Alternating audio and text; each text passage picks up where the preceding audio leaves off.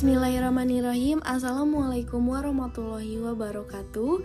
Perkenalkan nama saya Sani Malia Malina Dengan NIM 2004142 Kelas 1B Program Studi Pendidikan Guru Sekolah Dasar Bumi Siliwangi Universitas Pendidikan Indonesia. Di sini saya akan menjelaskan mengenai dinamika pelaksanaan demokrasi di Indonesia. Indonesia saat ini menggunakan demokrasi Pancasila.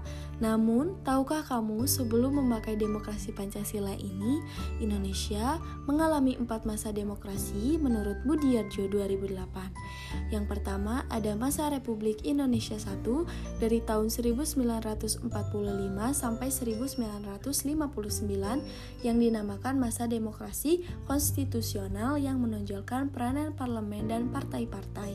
Karena itu dinamakan demokrasi parlementer.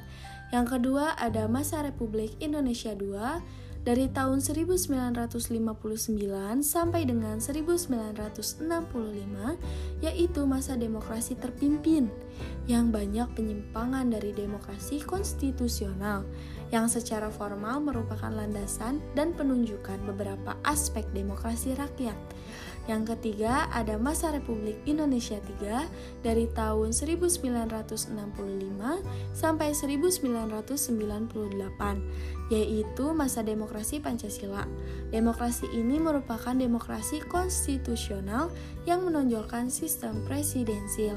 Lalu yang keempat, ada masa Republik Indonesia IV dari tahun 1998 sampai sekarang yaitu masa reformasi yang menginginkan tegaknya demokrasi di Indonesia sebagai koreksi terhadap praktik-praktik politik yang terjadi pada masa Republik Indonesia III. Nah, Indonesia sekarang ini memakai demokrasi Pancasila yang akan mengarahkan setidaknya pada dua hal, yakni penguatan demokrasi atau pelemahan demokrasi. Nah, Indonesia sendiri sudah menggunakan demokrasi Pancasila dengan baik, seperti dibuatnya lembaga Majelis Permusyawaratan Rakyat, Dewan Perwakilan Rakyat, Dewan Perwakilan Daerah, yang bertugas untuk menyampaikan aspirasi rakyat lewat lembaga tersebut kepada pemerintahan. Namun, saat ini terjadi pelemahan demokrasi. Contohnya, yang pertama, lemahnya pelaksanaan checks and balance, terlihat dari lemahnya peran partai DPR, kehakiman, dan lain sebagainya di hadapan eksekutif. Yang kedua, meredupnya sikap kritis civil society, baik pers, akademisi, dan sebagainya sebagai mitra pemerintahan dan pembungkaman kalangan aktivis kritis. Yang ketiga, ada penegakan hukum yang tebang pilih.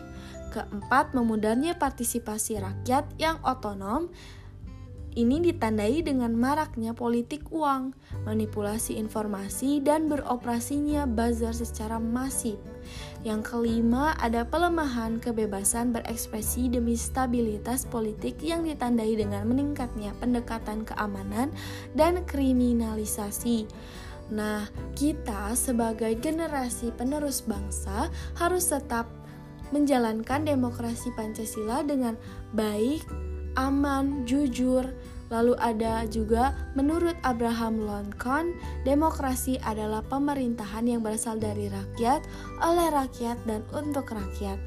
Nah, makna dari pendapat tersebut mengenai demokrasi adalah suatu pemerintahan yang terdapat dalam suatu negara dipegang oleh rakyat, atau dengan kata lain, kekuasaan tertinggi berada di tangan rakyat. Kebijakan dibuat dari rakyat atau didasarkan kepada situasi dan kondisi rakyat, yang tujuannya nanti kembali kepada rakyat itu sendiri. Sekian dari saya, mohon maaf bila masih ada banyak kesalahan. Wabillahi taufiq wal hidayah. Wassalamualaikum warahmatullahi wabarakatuh.